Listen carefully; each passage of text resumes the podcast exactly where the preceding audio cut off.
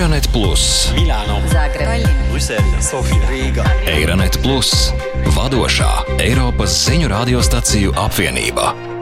Saprast Eiropu labāk! Labdien! Jūs klausāties Eiropas ziņu radiostaciju tīkla Euronet Plus veidoto raidierakstu Ko Eiropa var sniegt. Pēdējos mēnešos mūsu zemnieki ir izgājuši ielās, lai paustu savu neapmierinātību un izteiktu satraukumu par lauksaimniecības nākotni. Lai gan veids smagu darbu un praktiski bez brīvdienām, daudzu lauksaimnieku, jo īpaši mazo zemnieku, dzīves apstākļi bieži vien ir grūti, un viņi nesaņem pienācīgu kompensāciju par sava darba augļiem. Viņu sūdzību saraksts ir garš, un viņi sauc pēc palīdzības. Šajā sērijā mūsu žurnālisti apkopoja lauksaimnieku un nozares ekspertu viedokli, lai mēģinātu saprast, kāpēc zemnieki ir aizvainoti un ko Eiropas Savienība varētu darīt viņu labā. Mislim, da se stvari zmerom bolj zaostrujejo, sploh ob današnji vladi, taka kot je. Ne? Mums, lauksaimniekiem, ir aizvien mazāk teikšanas. Pat tad, kad runa ir par mūsu darbu, nevienu neinteresē mūsu viedoklis. Katrs dara tikai to, ko pats uzskata par vajadzīgu. Domāju, ka arī tāpēc mums ir problēmas atrast jaunos zemniekus, kas vēlētos saimniekot. Tādu ir arvien mazāk. Jebkurā citā nozarē var dabūt darbu par daudz labāku samaksu. Ir brīvdienas, brīvas nedēļas nogales, bet šeit tā nav. Jaunie lauksaimnieki to apzinās arvien vairāk. Tikai retais varētu iebilst slovēņu lauksaimniekam Andrejam Pernatam, kura teikto nu pat dzirdējāt. Lauksaimnieku dzīve patiešām ir grūta, tāpēc daudzi no mums jūt simpātijas pret viņiem. 2020. gadā Eiropas Savienībā bija 9,1 miljonus lauku saimniecību, kas aizņēma aptuveni 38% bloka zemes. Aptuveni divas trešdaļas no šīm saimniecībām bija mazākas par 5 hektāriem, taču arvien pieaug tendence samazināt saimniecību skaitu un palielināt to platību. Protams, Eiropas lauksaimniecība ir ļoti daudzveidīga ne tikai saimniecību lieluma, bet arī geoloģijas un topogrāfijas, klimata un neaizsargātības, pārvaldības filozofijas un pat ražošanas veida ziņā. Ir skaidrs, ka Francijas bioloģiskā vīna ražotāja, Dānijas cūkaudzētāja un Grieķijas tradicionālā olīvu audzētāja situācija ir krasi atšķirīga.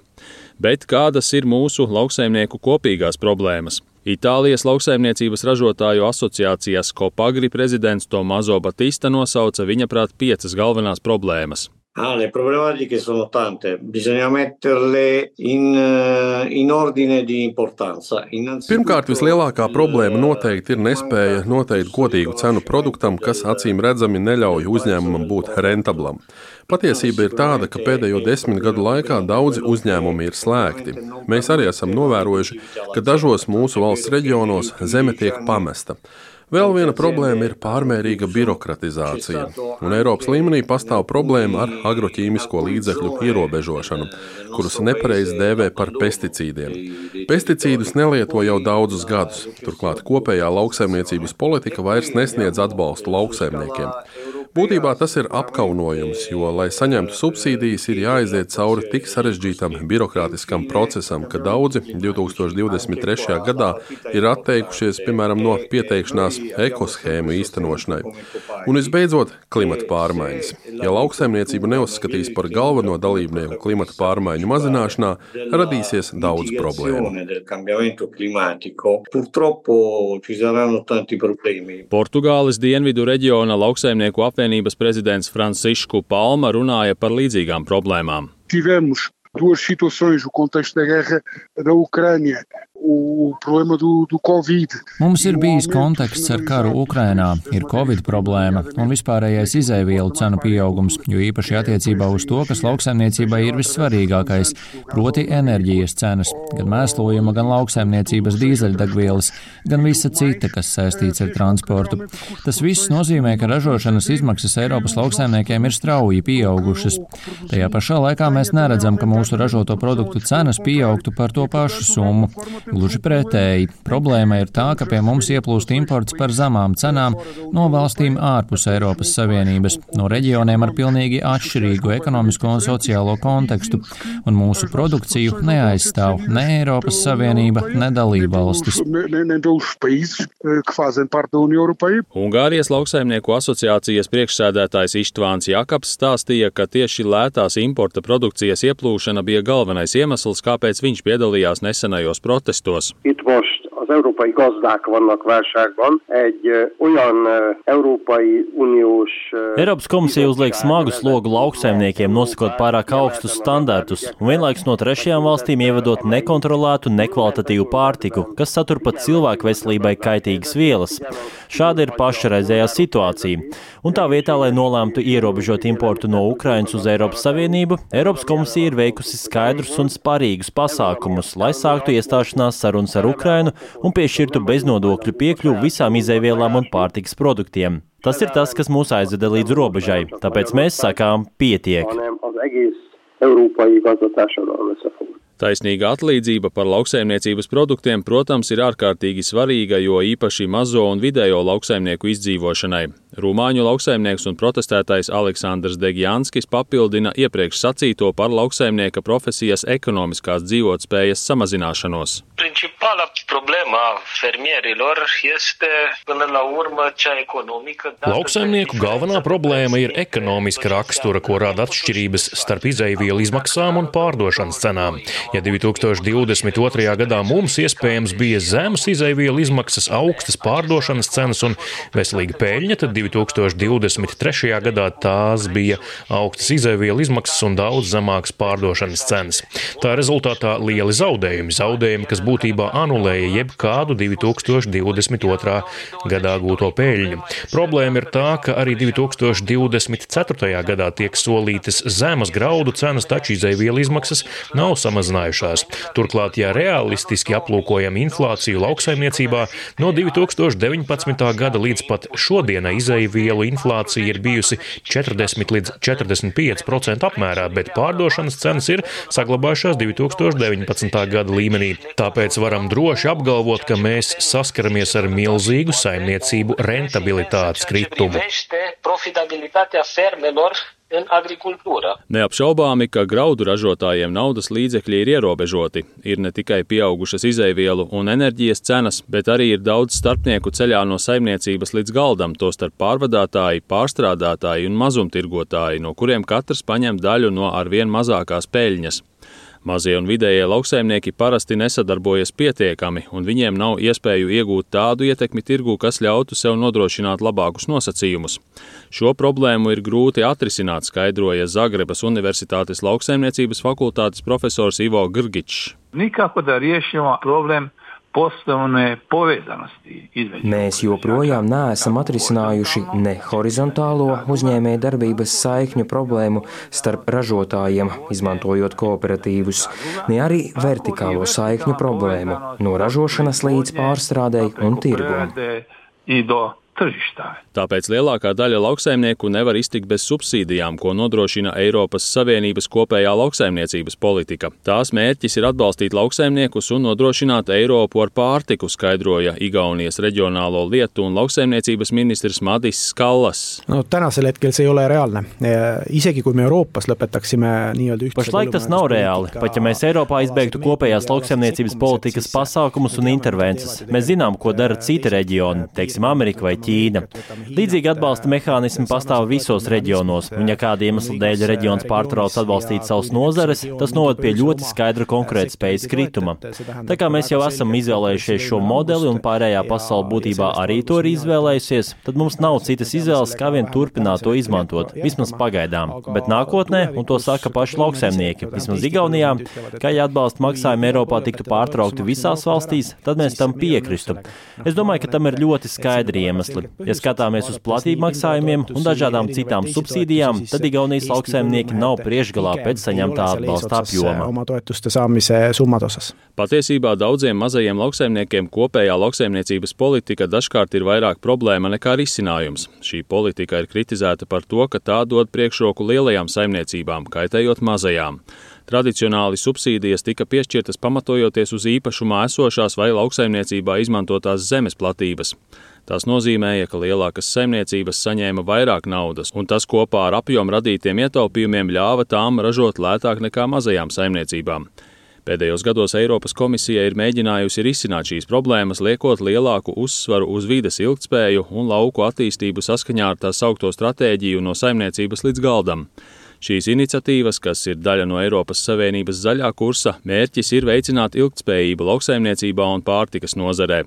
Taču vēlns slēpjas detaļās. Ekoshēmas ir labs piemērs tam, kas daudziem lauksaimniekiem nav izdevies, kā iepriekš minēja Kopagri prezidents Tomazo Batista. To mērķis ir iedrošināt un atalgot lauksaimniekus, kuri brīvprātīgi ievieš lauksaimniecības praksi, kas pozitīvi ietekmē vidi vai klimatu, piemēram, bioloģisko lauksaimniecību, saudzējošu augsnes apstrādi vai agromeža saimniecību. Valstu valdības lem par to, kā attiecīgajā valstī tiek izmantots kopējās lauksaimniecības politikas finansējums, tostarp ekoshēmām, taču sarežģīto administratīvo, tehnisko un uzraudzības prasību dēļ daudzu valstu valdības nav spējušas nodrošināt, lai šīs schēmas būtu viegli pieejamas lauksaimniekiem, jo īpaši tiem, kuriem ir ierobežoti resursi. Bioloģiskā lauksaimniece Violeta Olejarčika no Polijas sacīja, ka viņa pilnībā atbalsta daudzus Eiropas Savienības lauksaimniecības politikas pamatprincipus, tomēr lauksaimniekiem, jo īpaši mazajiem, ir pārāk daudz birokrātisku šķēršļu, kas jāpārvar. Ta biurokratyzacja, która jest we wspólnej polityce rolnej, powinna ulec zmianie. Kopējās lauksaimniecības politikas birokratizācijai ir jāmainās. Lauksaimniekiem bieži vien neatliek laika, lai audzētu pārtiku, jo ir tik daudz prasību, kuras ir ļoti grūti saprast un izpildīt. Olei Arčikai piekrita Mindaugs Maču Levičs, kurš vada Kaunas apriņķa lauksaimnieku apvienību. Viņš uzsvēra, ka virkne Eiropas Savienības reformu lauksaimniecības nozarē ir piespiedusi mazos un vidējos lauksaimniekus būt gandrīz vai grāmatvežiem. Su kiekviena reforma ateina vis nauji žurnālai, kuriuos reikia pildyti ir vis naujos kažkokios tvarkos. Ar katru reformu sloks palielinās, jo nepieciešams aizpildīt vairāk žurnālu un parādās jaunas procedūras. Lauksaimnieki kļūst par grāmatvežiem, mazāk laika pavadot pie traktora, bet vairāk pie administratīvajiem uzdevumiem, kas rada paaugstinātu stresa līmeni. Tāpat ir būtiski apzināties, ka kļūdām ir sekas, kas bieži vien rada finansiālas sekas, kā to apliecina daudzi gadījumi Lietuvā. Ņemot vērā šīs problēmas, piedāvātie risinājumi šķiet neadekvāti. Ir jābūt uzmanīgiem, lai neatbaidītu mazos lauksaimniekus, jo viņi sniedz ievērojamus sociālos un vides ieguvumus, piebilda Nikolais Genovs. Viņš ir priekšsēdētājs priekšsēdētājs kooperatīvā Hrankūp, kas darbojas Bulgārijā. Както казваме ние, малкото е повече. 100 fermi по 10 dekara. Kā mēs sakām, mazāk ir vairāk. 110 hektāru saimniecība veido 1000 hektārus, bet šīs 100 saimniecības saražo desmit reižu vairāk, ja ne vairāk, nekā lauksaimnieks, kas audzē 1000 hektārus graudu vai kukurūzas. Un šīs 100 saimniecības faktiski būs saražojušas ne tikai pārtiku, bet arī veicinājušas nodarbinātību un stabilitāti savos reģionos. Tās būs uzlabojušas augsni, tās būs veicinājušas daudzu citu sugu augšanu tūmā, jo mazās saimniecības rūpējas par visu vietējo ekosistēmu. Tās ir mājvieta bitēm, mājdzīvniekiem un tā tālāk. Jo vairāk ir mazo saimniecību, jo uz platības vienību iegūmi ir daudz lielāki. Ko tad lauksaimnieki sagaida no Eiropas Savienības? Pirmkārt un galvenokārt viņi vēlas skaidrību un vienkāršošanu. Latvijas radio sacīja lauksaimniecības eksperts Walters Zelčs. Lauksaimnieki sagaida vienu lietu, un tā ir skaidrība. Teikt, tas ir tas, kas pēdējos gados Eiropas Savienībā mūsuprāt ir trūcis, jo tiek uzstādīti ļoti ambiciozi mērķi, bet no otras puses nu, netiek doti instrumenti, lai šos mērķus sasniegtu. Un ar instrumentiem es nedomāju tikai finansiālos instrumentus. Pirms šī plānošanas perioda tika solīts, ka būs lauksaimniecības politikas vienkāršošana, bet es domāju, jūs neatradīsiet nevienu lauksaimnieku, kurš teikt, ka jā, tiešām šobrīd ir sistēma vienkāršot, drīzāk tā ir vēl vairāk un traģiskāk, pat varētu teikt, sabirokratizēta. Tiek teikts, ka jaunākā LP veicinās Eiropu kā pārtikas eh, līderi, šo, ieņem šo pārtikas līdera lomu pasaulē, bet tajā pat laikā tiek izstrādāti arī nosacījumi, kas dara gluži pretējo, kas ražošanas apjomus mazina un pat paralēli paver arī durvis trešo valstu produktiem. Zelčs uzsvēra, ja Brisele vēlas panākt lauksaimnieku atbalstu, ir jāveido konstruktīvs dialogs. Nereti tiek pasniegts, ka lauksaimnieki ir pret Eiropas prasībām, bet tā tas gluži nav tas sarežģīti, jo ir prasības pret kurām lauksaimnieki absolūti neiebilst. Tā paša kultūra augu dažādošana. Bet tad no otras puses ir piemēram prasība, kura mums ar nākošo gadu arī zināmā mērā liektu, piemēram, organiskajās augsnēs rekonstruēt vai renovēt meliorācijas sistēmas. Itālijā, piemēram, meliorācijas sistēmas vispār nav problēma, jo viņiem drīzāk ir svarīgi apūdeņošanas sistēmas, bet mums, Baltijas valstīm, Ziemeļvalstīm, ir ļoti svarīgi šīs meliorācijas sistēmas uzturēt labā kārtībā un arī vajadzības gadījumā tās rekonstruēt vai renovēt. Jo pretējā gadījumā nu, mums, kā valstī, kur nolīst vairāk nekā iztvaiko, mums šī labā lauksaimniecības zeme var būt zem ūdens vienu brīdi. Tas, kur lauksaimnieki redz pamatojumu vai nu no vidas, vai klimata, vai ekonomiskā viedokļa. Tās viņi visbiežāk ļoti labprāt ievieš, bet tās, kuras ir klaji neloģiskas, protams, pret tām lauksaimnieki sāk dumpoties. Protams, attīstību nevar uzskatīt par ilgspējīgu, ja tā neļauj cilvēkiem pelnīt iztiku, norādīja Domnīcas Žaka Delora institūts Briselē ģenerāldirektore Ženevieva Ponsa. Je crois que là, il faut revenir Euh, es domāju, ka mums gan diskursos, gan praksē ir jāatgriežas pie kaut kā līdzsvarotāka, sistemātiski integrējot trīs ilgtspējīgas attīstības komponentus - ekonomisko, sociālo un vides jomu. Vienkāršāk sakot, nevaram prasīt lauksaimniekam, lai viņš nodarbojas ar bioloģisko lauksaimniecību, ja tajā nav naudas s'ils n'en tirent pas de revenus. Ja runājam par importu no valstīm ārpus bloka, Eiropas lauksaimnieki aicina nodrošināt vienlīdzīgus konkurences apstākļus attiecībā uz kvalitātes prasībām.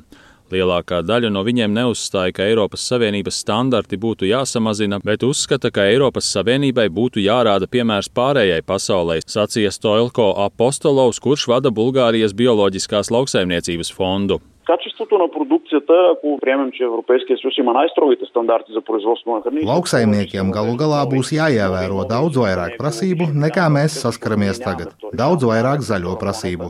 Tāpēc mums ir jāpanāk, lai modelis darbotos, jo pārējā pasaule parasti iedvesmojas no Eiropas Savienības, kopē Eiropas Savienību. Es varu minēt piemēru saistībā ar bioloģisko ražošanu. Kad mēs aizbraucam uz Pasaules bioloģiskās lauksaimniecības ražotāju kongresu, kolēģus no ASV, no attīstītajām valstīm ārkārtīgi motivē Eiropas Savienības rīcība. Un viņi ļoti bieži rāda piemēru, atgriežoties savās valstīs. Paskatieties, ko Eiropas komisija dara bioloģiskās lauksaimniecības jomā. Darīsim to arī šeit. Eiropa ir priekšgalā. Pašlaik tā ir bioloģiskās lauksaimniecības un vides politikas lauksaimniecības jomā priekšgalā. Tam ir jāturpinās, nevis to vajadzētu bremzēt. Vienkāršus risinājumus sarežģītām problēmām sniedz tikai populistiskas partijas, kas nepārprotami vēlas gūt labumu no Eiropas lauksaimnieku dusmām.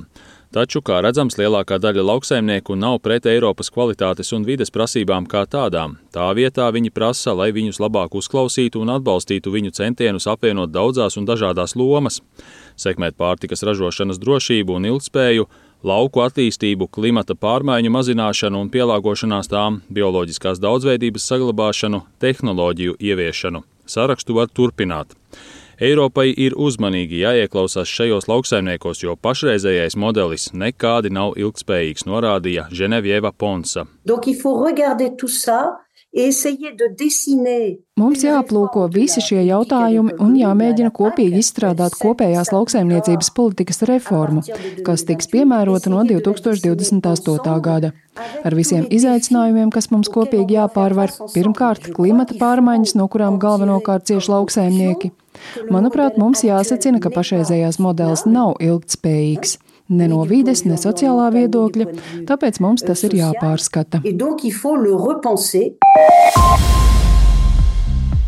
Pēdējās nedēļās un mēnešos dalībvalstu un Eiropas Savienības politiķi ir pastiprinājuši dialogu ar lauksaimniecības nozari.